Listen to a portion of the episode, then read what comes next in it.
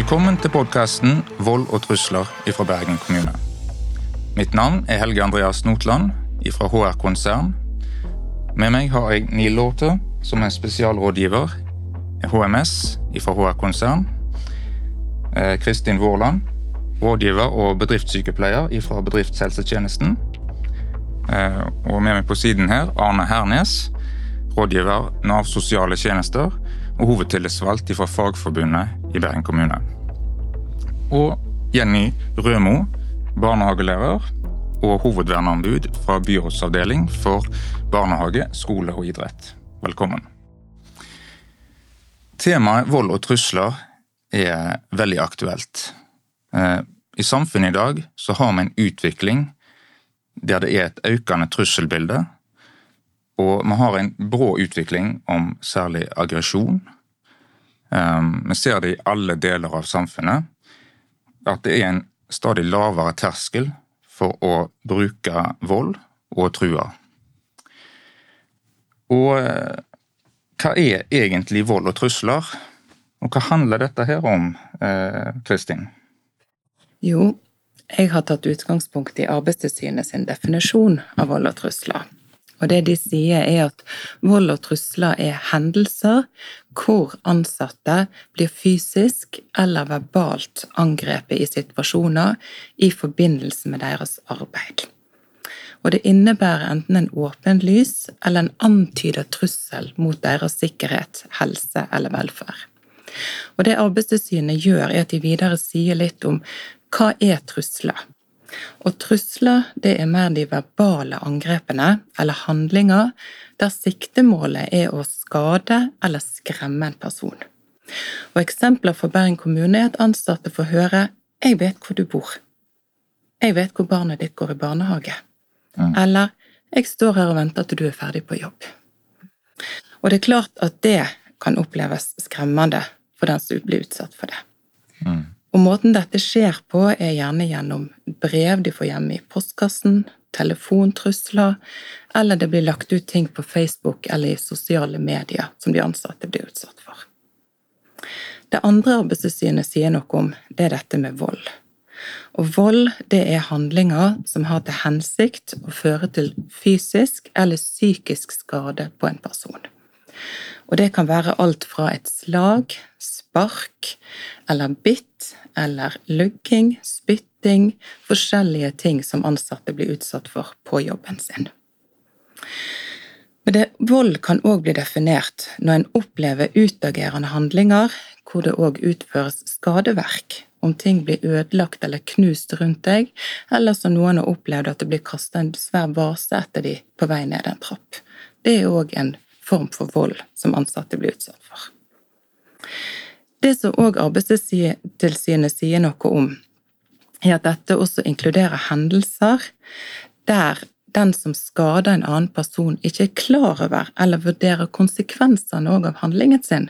Og Det òg er aktuelt hos oss i Bergen kommune.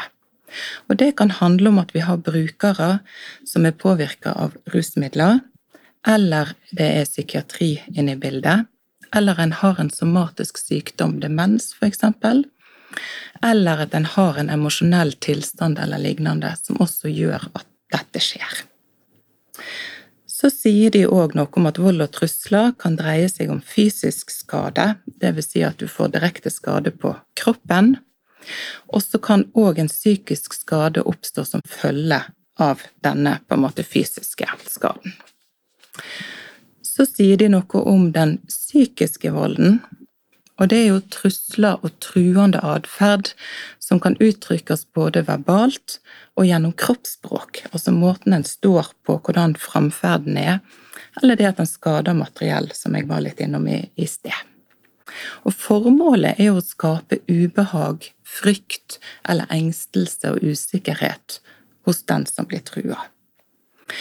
Den siste volden som de også snakker om, som òg er veldig aktuell, det er den seksualiserte volden. Og den seksualiserte volden kan også gi både fysiske og psykiske skader. Og det å på en måte bli tatt på kjønnsorgan, på rumpe, på pupper, det å bli klemt eller på en måte andre utføre seksuelle handlinger i ditt påsyn, er også noe som ansatte blir utsatt for. Og dette er ikke kjekt å oppleve på jobb. Nei. Det er det ikke.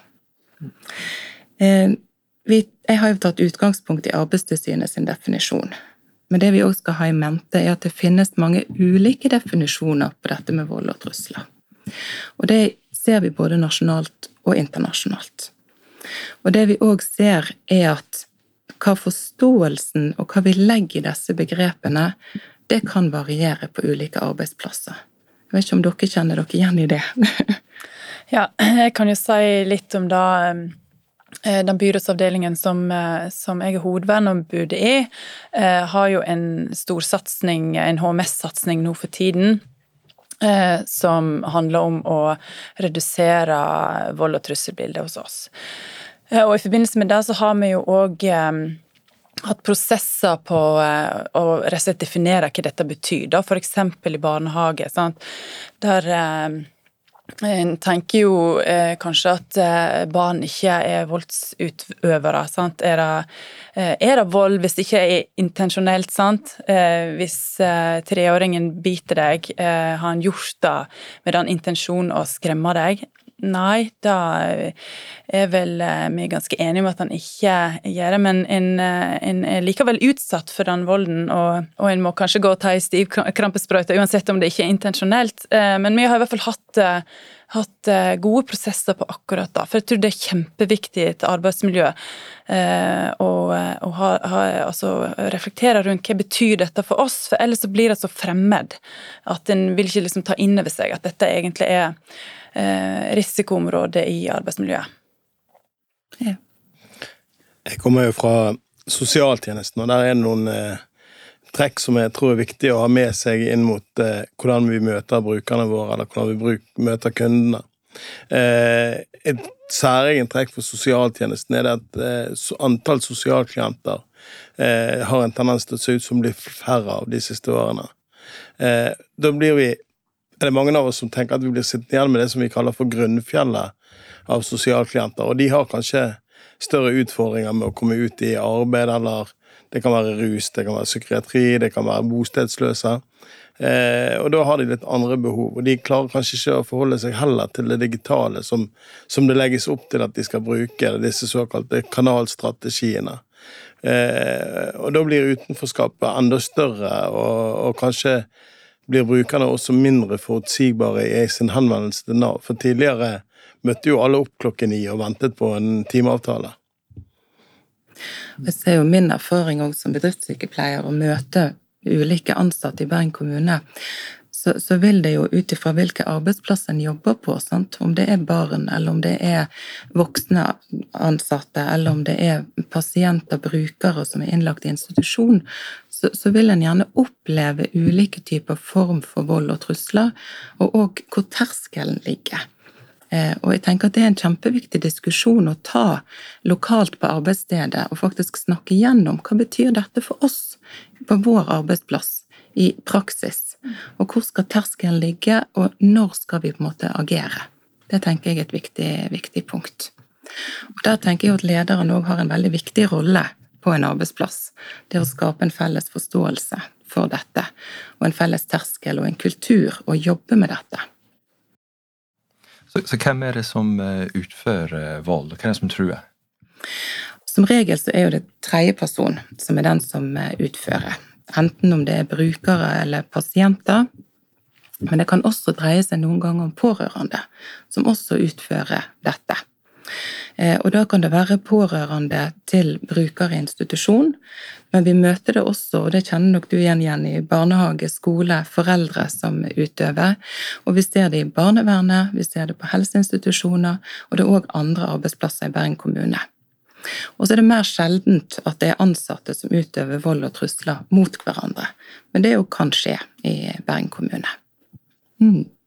Men eh, Kristin, hvem er det egentlig som er mest utsatt jo, eh, arbeidslivet er jo ikke risikofritt eller fritt for eksponeringer. Og det kan få konsekvenser for arbeidstakere, både i forhold til at de kan bli sykemeldt, eh, noen sjeldne ganger kan dette også føre til uførhet, og også dødsfall eh, kan vi oppleve. Og andelen ansatte som har blitt utsatt for vold og trusler, er økende. både i Norge og internasjonalt.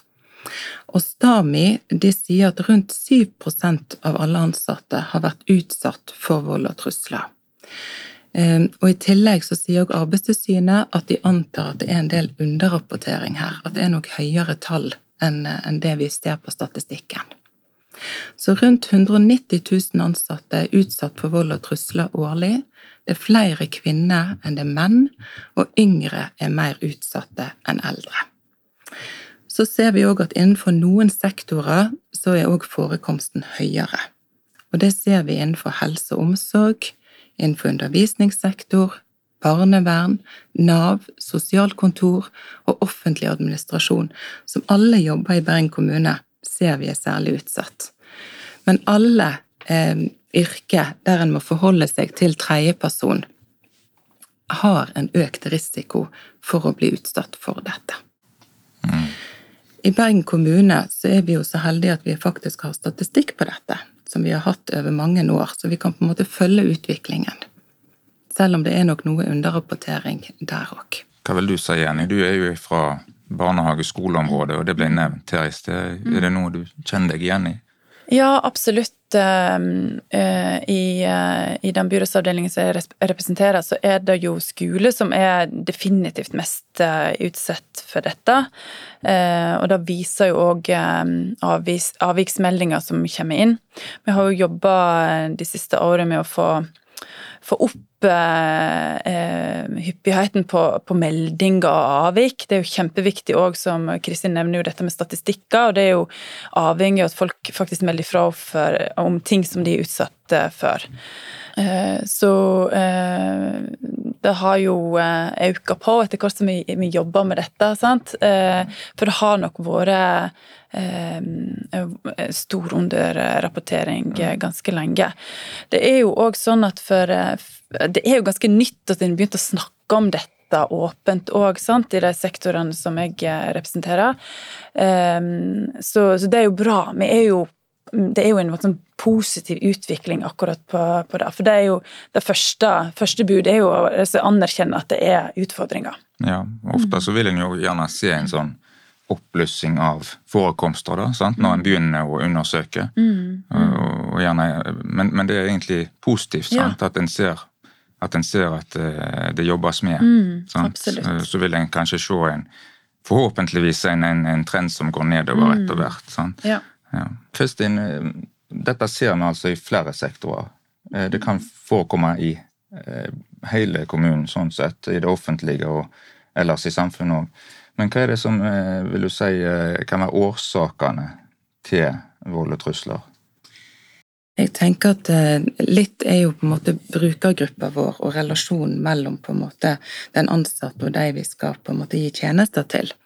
Men vi så ser òg at det er forhold på arbeidsplassen som kan være med å øke risikoen for at dette skjer. Eh, og vi ser på arbeidsplasser der ansatte har lite opplæring og øvelse i å håndtere og det å få kunnskaper om hvordan vi skal håndtere, hvordan vi skal forebygge, dette med å kjenne til hvis en har sikkerhetsutstyr, hvordan dette virker, det er viktige faktorer for å, for å gjøre noe med det. Men dette kan være faktorer som kan øke risikoen for at ting kan skje. Så ser vi òg på arbeidsplasser der ansatte ikke melder fra om hendelser. Eh, og arbeidsgiver ikke blir gjort kjent med risikoforhold. Så det er òg vanskelig for arbeidsgiver faktisk å sette i verk tiltak og gjøre noe med dette. Sånn at det er òg viktig at ansatte er klar over denne medvirkningsplikten òg er en viktig faktor eh, inn i dette. Så det er klart at som jeg sa, all kontakt med kunder, pasienter, brukere er jo på en måte forhold der det kan oppstå gnisninger, og der ting kan skje. Mm. Så ser vi òg at ansatte som har mye alenearbeid, kan òg være et risikoforhold for at ting kan utarte. Og òg der det er mye tidspress, høyt arbeidstempo, mye overtidsarbeid, så ser vi òg at det er en faktor som kan øke risikoen for at noe skjer. Og på arbeidsplasser der det er underbemanning, mye vikarbruk, så kan det òg være en faktor. Så kan noe av dette handle òg om utforming av arbeidsplassen hvordan arbeidsplassen er lagt opp i forhold til hva den skal brukes til. Og Her òg ser vi eksempler i Bergen kommune på at en har måttet gjort endringer fordi at det har vært mange tilfeller på en arbeidsplass, med f.eks. utagering, og en har hatt mangel på fluktmuligheter, eller at lokalene kanskje ikke egner seg i forhold til bruk. Men også der en har møte med mennesker, så, så kan det skje ting på arbeidsplassen hvis ikke en har gjerne risikovurdert i forkant på hvordan arbeidet skal utføres. Så kan det òg være litt kulturelle forhold. En har gjerne noen sånne eh, normer eller toleransegrenser på arbeidsplassen eh, som gjør at det, dette må vi på en måte finne oss litt i. Dette er forventa at det skal skje. Eh, og det òg kan øke risikoen. Fordi at en, en har en kanskje litt for høy grense for når en tar tak i og gjør noe med ting. Og så ser vi òg at nyansatte og de som er uerfarne, er også utsatt for at, eh, at dette kan skje på arbeidsplassen. Mm. Mm. Og, det, og det handler jo litt om kompetanse sant? Og, og, og kunnskap. Ja. Eh, Og det, og det knytter oss igjen til dette med forebygging, som vi kommer nærmere på i, i neste episode òg. Ja. Men, men, men det er altså òg noe vi kan, kan gjøre for å forebygge. Sant? Ja. ja. Når det gjelder vold og trusler, så er det jo òg ulike intensjoner i forhold til dette med vold og trusler. Og vi deler det sånn skjematisk i, i to deler. Det ene går på den instrumentelle volden og instrumentelle trusselen. I forhold til den instrumentelle vold og trusler, så blir det brukt som et virkemiddel til å oppnå fordeler eller verdier hos den som på en måte utfører det. Og da kan det jo handle om f.eks. utbetaling av penger, det å få et vedtak, eller det å få goder. Og det kan være så enkelt òg i et bofellesskap. Det er en bruker som har fått restriksjoner på bruk av å røyke, og som ønsker å få ta en røyk utenfor det som er avtalt. Da kan òg sånne situasjoner oppstå. Og det er en form for instrumentell vold og trusler. Den andre gruppa relasjonell vold og trusler. Og da handler det om at den som utøver, bevisst går inn for å ramme den andre i den yrkesmessige relasjonen. Og da kan dette utløses gjerne av frykt, forvirring, frustrasjoner hos den som utøver det, eller en følelse av avmakt. Eh, og en opplevelse av manglende dekning av grunnleggende behov kan ligge til grunn for at det skjer. Så kan det noen ganger handle om dårlig kommunikasjon og kommunikasjonssvikt. Eller det kan handle om et ønske om hevn. Eller det kan handle om rus, psykisk sykdom eh, og manglende grensesetting. Altså det kan ligge til grunn for, eh, for dette. Jeg la merke til at du sa eh, ordet avmakt. Eh, og det er noe på kurs som alltid vekker stor interesse. Når du, når du begynner å snakke om det, så begynner folk å skrive. Eh, kan du si litt mer om avmakt? Det kan jeg. Avmakt er et begrep som vi bruker. Eh, og avmakt er det motsatte av det å ha makt. Det å oppleve seg maktesløs og ikke ha innflytelse på egen livssituasjon. Og en opplever seg gjerne handlingslamma og hjelpeløs i forhold til den som skal utøve eh, en jobb i forhold til meg. Og det kan få konsekvenser for mitt liv på noe som jeg ikke helt har kontroll på. Så avmakt det betyr at en er avhengig av andre, og at andre på en måte bestemmer over meg. Og det å stå i en sånn avmaktsfølelse kan gi en følelse av sorg og frykt og, og sinne hos den som blir utsatt for det. Og det er ganske vanlig at det kommer reaksjoner på en sånn opplevelse. Og da snakker vi om en sånn avmaktskurve. Så på den ene side så går det fra irritasjon til en utagering, at vi får en sinne, en vold, trusselsituasjon. Mens på den andre siden så kan avmakten også føre fra en irritasjon til en selvskading, som vi også ser på en del av våre brukere. Og det er vondt å stå i en sånn avmaktssituasjon. Eh, og jeg tenker at vi som ansatte, det er viktig at vi er klar over den dimensjonen i, i møte med brukerne våre. Nå har vi vært innom uh, dette med årsaker, ikke sant? og at en, en trenger kunnskap om, om uh, vold og trusler og, og begrepene. Og, men, men Neil, du har jobba med, med, dette lenge. Og, altså, hvilke krav er det egentlig som finnes, hvis vi ser på det rent juridiske og i lover og forskrifter? Ja, Det er noe veldig grunnleggende som vi tar med på alle kurs, stort sett i begynnelsen av kurset. Og det er at arbeidsmiljøet skal være fullt forsvarlig. Og da, da kan vi av og til få reaksjoner når vi ser det. Fullt forsvarlig. Altså, skal det ikke være unntak? Nei, ingen unntak. Det skal være fullt forsvarlig. Og videre med akkurat dette med vold og trusler, at arbeidstaker skal så langt som mulig beskyttes mot vold og trusler i sin arbeidssituasjon. Um, så, så, loven er veldig klar, loven er tydelig. Um, og så er det da spørsmål hva betyr det i mm. praksis. Uh, og jeg vet at vi får reaksjoner. Jeg ser du begynner å Arne. Både, både, i lov og avtaleverk så sies det jo at arbeidsmiljøet skal være fullt ut forsvarlig, og det, det gjelder jo for alle. Der er det ikke noe unntak. Og, og da er det jo viktig, tenker jeg, at, uh, at ledelsen på det enkelte arbeidssted tar det på alvor og følger det opp, men også at politikerne som bevilger midler, ikke gjør ikke gjør arbeidsmiljøet til en salderingspost. For det, eh, har vi ikke et eh, godt og fullt ut forsvarlig arbeidsmiljø, så klarer vi ikke å gi gode tjenester til innbyggerne våre heller. Enten det måtte være i plan- og bygningsetaten, eller på barnehage og skole, eller i Nav barnevern. Eh, det er viktig at det arbeidet inn mot arbeidsmiljøet ikke blir en salderingspost. Mm. Men dette begrepet fullt forsvarlig arbeidsmiljø, hva, klarer man å nå dit? Altså i hvilken grad Klarer vi i så fall det? Jeg vil vel kanskje svare både òg. At vi har eksempler på at noen steder så klarer vi det faktisk, og så er det en del steder vi kanskje ikke klarer det. Med, der, eh, der, det gjerne gir seg uttrykk i, i, i personalsaker, nettopp fordi at folk ikke har det bra på jobb. og, og eh, eh det er nå engang sånn eh, i forhold til loven at kommer du litt, litt sånn snufsete på jobb, så skal du nesten gå friskere hjem igjen fra arbeidet. Og det er nok ikke tilfellet, men, men at man kommer på jobb og opplever at man blir ivaretatt, at folk ser en, og at man har de verktøyene som skal til for å gjøre en god jobb ut mot, ut mot publikum, det tror jeg er helt avgjørende. Mm. Og så er det noe også med Det er også noe med den Eh, myndiggjøringen av de ansatte. Hvis du er i en situasjon som oppleves som, som eh, truende eller, eh, eller, eskalerende i forhold til vold og trusler, så, så, må du kunne stå på de avgjørelsene du tar i øyeblikket. Mm. Og så må du få oppbacking for det. Ja, Og der er ledelsen nøkkelen? Der er ledelsen nøkkelen, det er helt klart. Mm. Ja viktigste er at dette er retningsgivende. Vi, vi, vi, har eh, en klar retning, og vi arbeider for dette. Mm. Eh, det, det, tror jeg er kjempeviktig. Og med tanke på det, eh, i 2017 så kom det en, en flott utvikling i, i, Vi har forskrift om utførelse av arbeid. Det var en, en, en, del endringer der som fokuserer særlig på vold og trusler. Der er det faktisk en type oppskrift med, med fem steg eh, som vi skal følge. Og Vi skal snakke mer om det, eh, jeg er helt sikker på.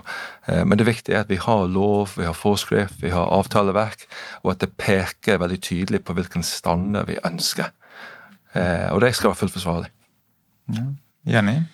Eh, ja, jeg sitter og tenker på um Altså, vi, vi, vi, eh, gir jo tjenester til, eh, til, eh, til, folk i denne byrådsavdelingen. Og vi jobber jo etter helsevernlovgivning eller barnehageloven eller opplæringsloven for, for, for de som jobber på skole. Og vi opplever jo eh, innimellom at eh, altså arbeidsmiljøloven og f.eks.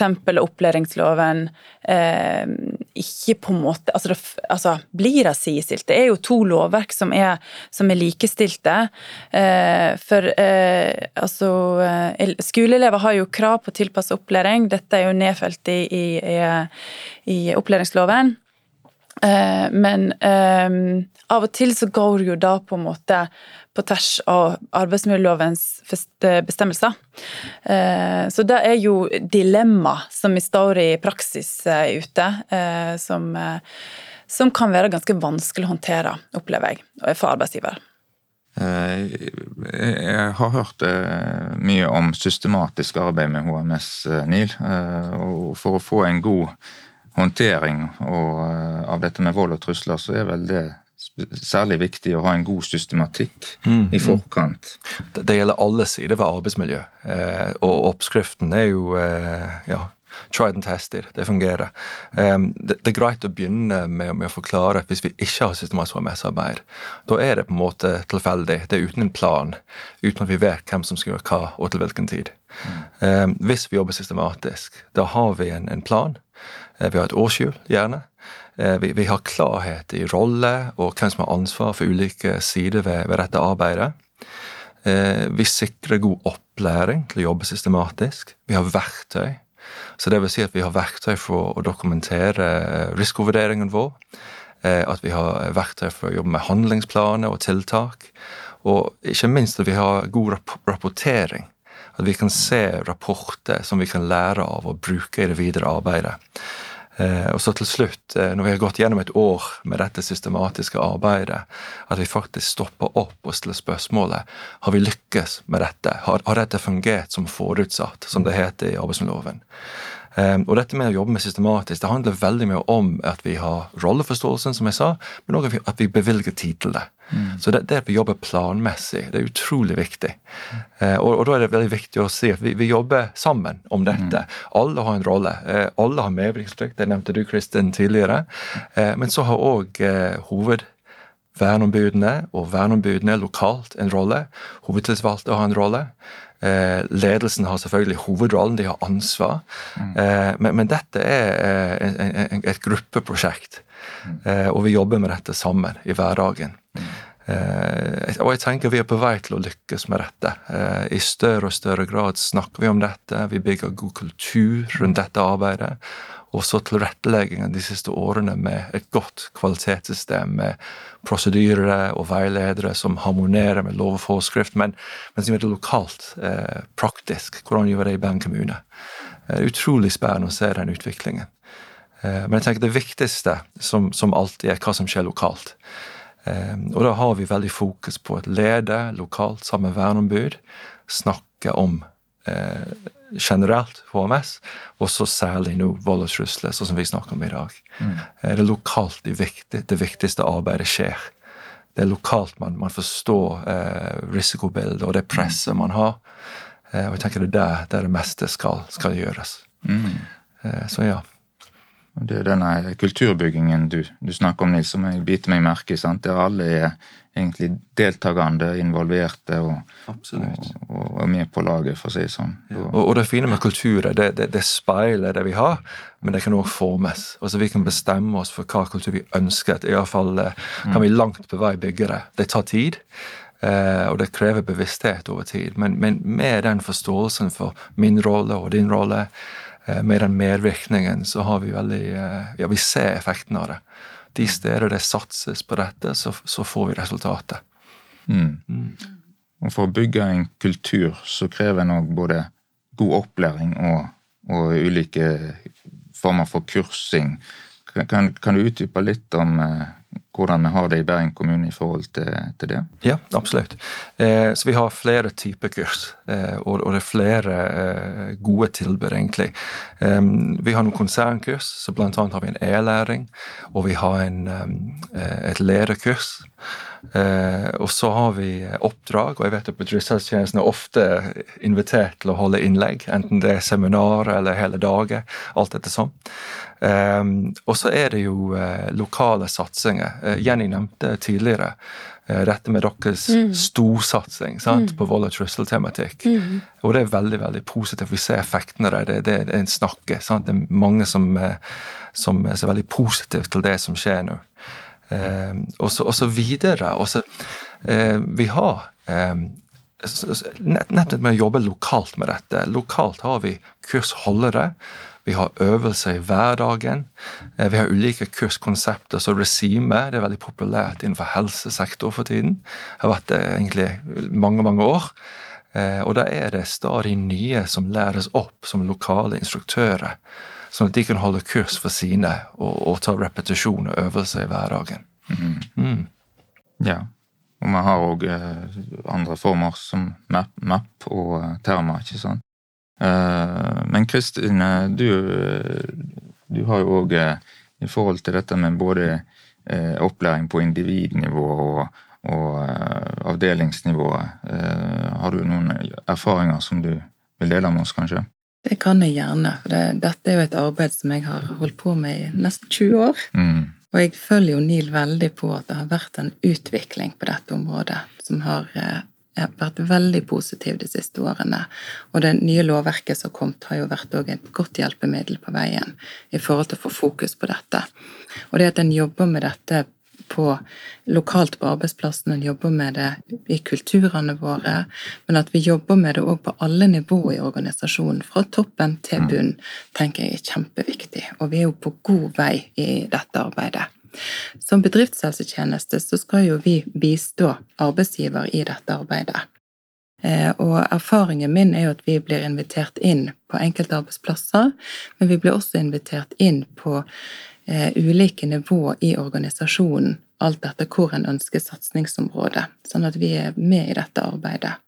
Og vi har også oppfølging av eh, individ, som vi skal snakke mer om i en seinere podkast. Mm. Mm. Men det er et kjempeviktig arbeid, dette. Mm. Arne, eh, i forhold til MAP og eh, utprøving der, kan du si litt om eh? MAP prøves ut i tre etater i Bergen kommune i dag. og MAP er et møte med aggresjonsproblematikk som vi tillitsvalgte ønsker velkommen som et verktøy i verktøykassen. Det er med på å forebygge dette med å unngå vold- og trusselsituasjoner. Det å kunne forutse triggerpunkter og, og være i forkant av situasjoner. og det, det er jo mange ting som, som kommer inn i dette her, og MAP er en av, en av de tiltakene man kan ha. Man kan også ha dagskurs, det kan være samlinger for medarbeidere som har eh, happenings. Eh, det som vi som tillitsvalgte tenker er viktig rundt uh, likevel, er, er det mengden av det.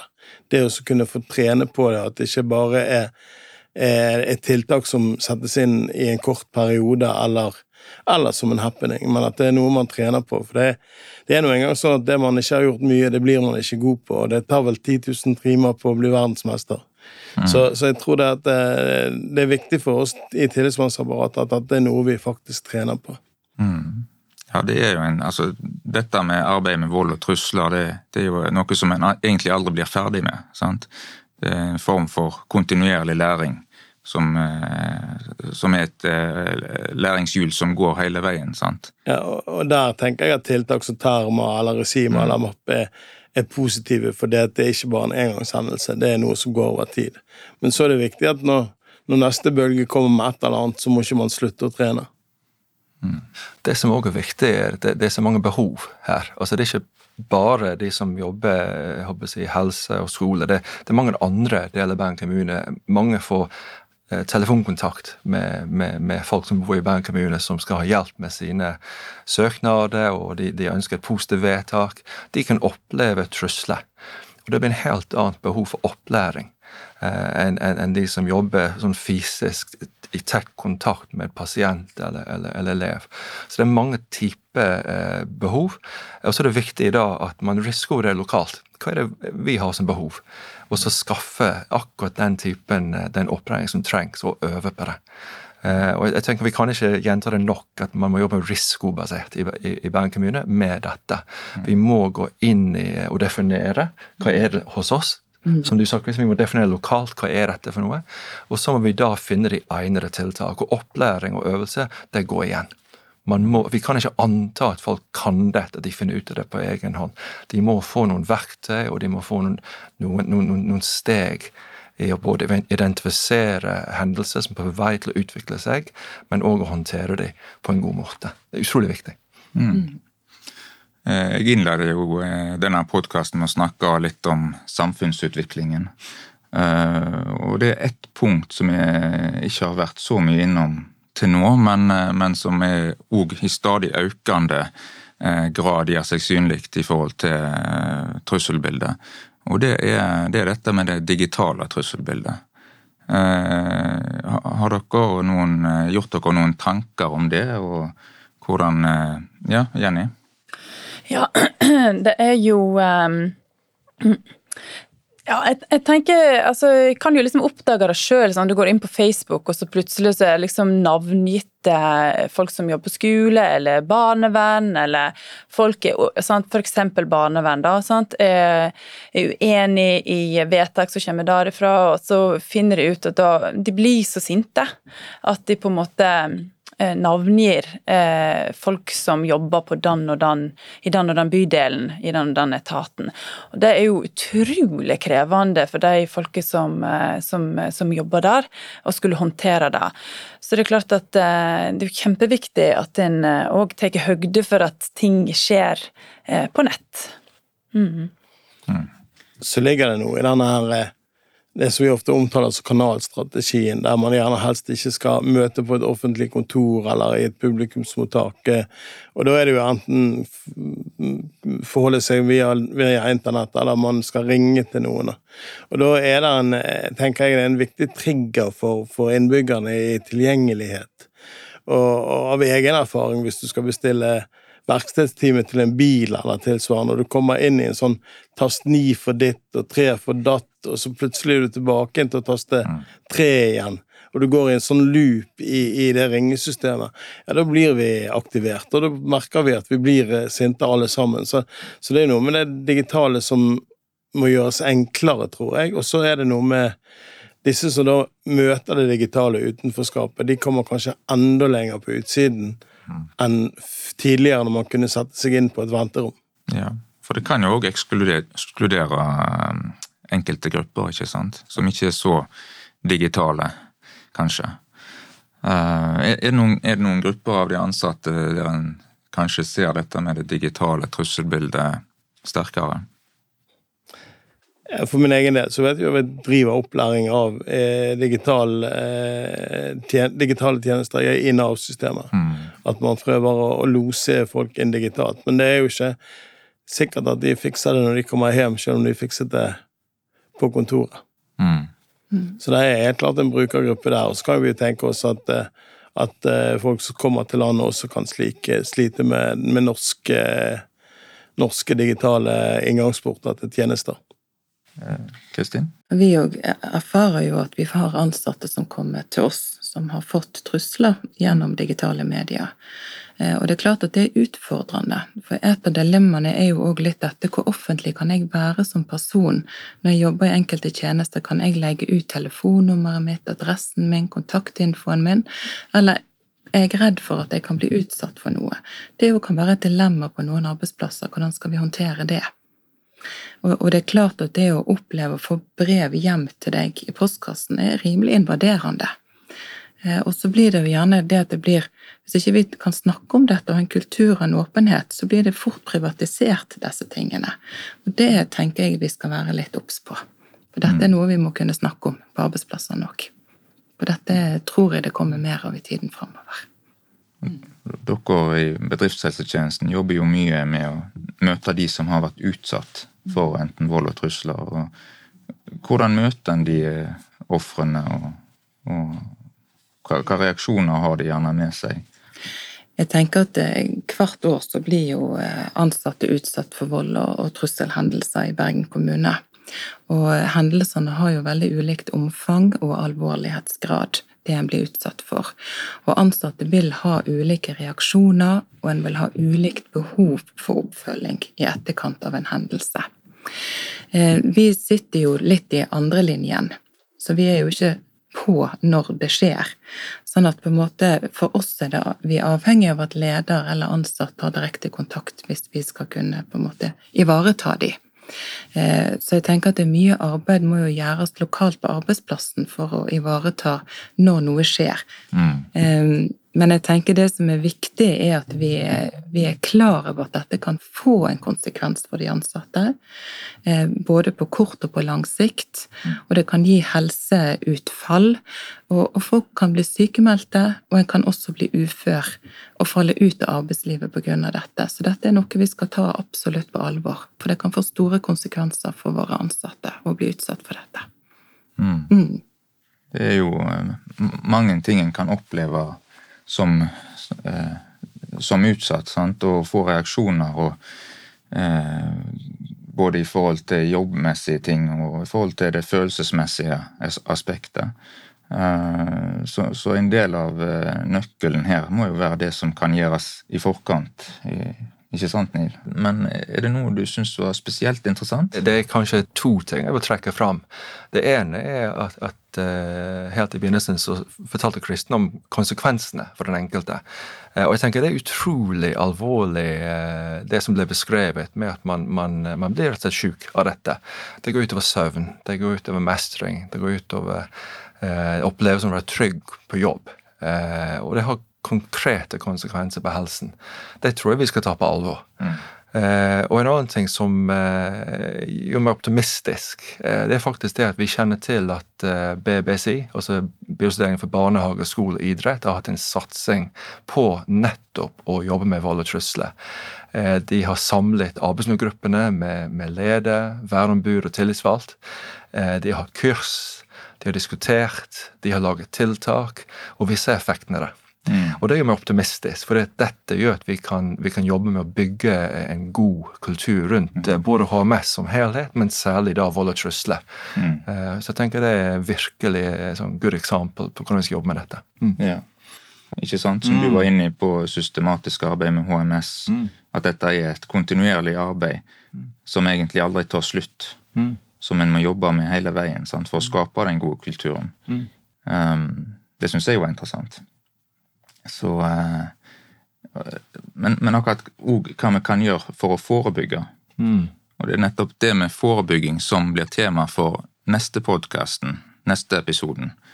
Uh, og jeg, jeg, må bare spørre deg, Neil, tror du er det mulig å forebygge, egentlig? Ja. Eh, ja, det er det absolutt. Og så samtidig så er det en del ting som må på plass. Mm. Eh, så, så, nettopp eh, Vi skal gå inn i det i neste episode, men jeg tenker det er viktig å si at eh, ja, det kan, men det krever noe òg. Mm. Eh, så det skal vi snakke om. Og, og, videre så er jo dette med håndtering som, er, som, som blir altså Hvordan gjør man det videre etter når så en volds- eller trusselepisode har oppstått? Sant? Um, sånn at den systematiske arbeidet som du snakket om i forhold til HMS, i hvert fall noe som jeg har bitt meg merke i i denne gjennomgangen som vi har hatt i dag, uh, at en har et veldig godt arbeid totalt sett i hele organisasjonen, der alle er involvert. Uh, der en skaper en felles kultur for dette med, med vold og trusler. Um, det er det som er nøkkelen, sant? Ja, det er veldig riktig. Ja. Og, og, og, dette med at vi jobber forebyggende og at vi er da gode til å håndtere det. altså Vi, vi vil helst unngå at en mm. situasjon oppstår. Likevel skjer det. Da skal vi håndtere det kjempegodt. Og så skal vi ta vare på de ansatte eh, som da opplever det de opplever. Eh, og det er vinn-vinn. altså Det er veldig bra for den enkelte, det er veldig bra for arbeidsmiljøet. Og så faktisk veldig bra for tjenester òg. Dette med at folk blir syke dette, det er klart det går utover eh, hele arbeidsmiljøet. Eh, det har noe å si for bemanningssituasjonen, for at ikke de at ikke alle de kompetente og hyggelige kolleger på jobb hver dag. Eh, det, det har konsekvenser. Mm. Så vi er veldig opptatt av at vi jobber godt med, med vold og trusler, men òg all HMS, altså helse, miljø og sikkerhet. Det, det, det er utrolig viktig for arbeidsmiljøet for oss alle. Og så tenker jeg det har òg en konsekvens i forhold til tjenesteytingen.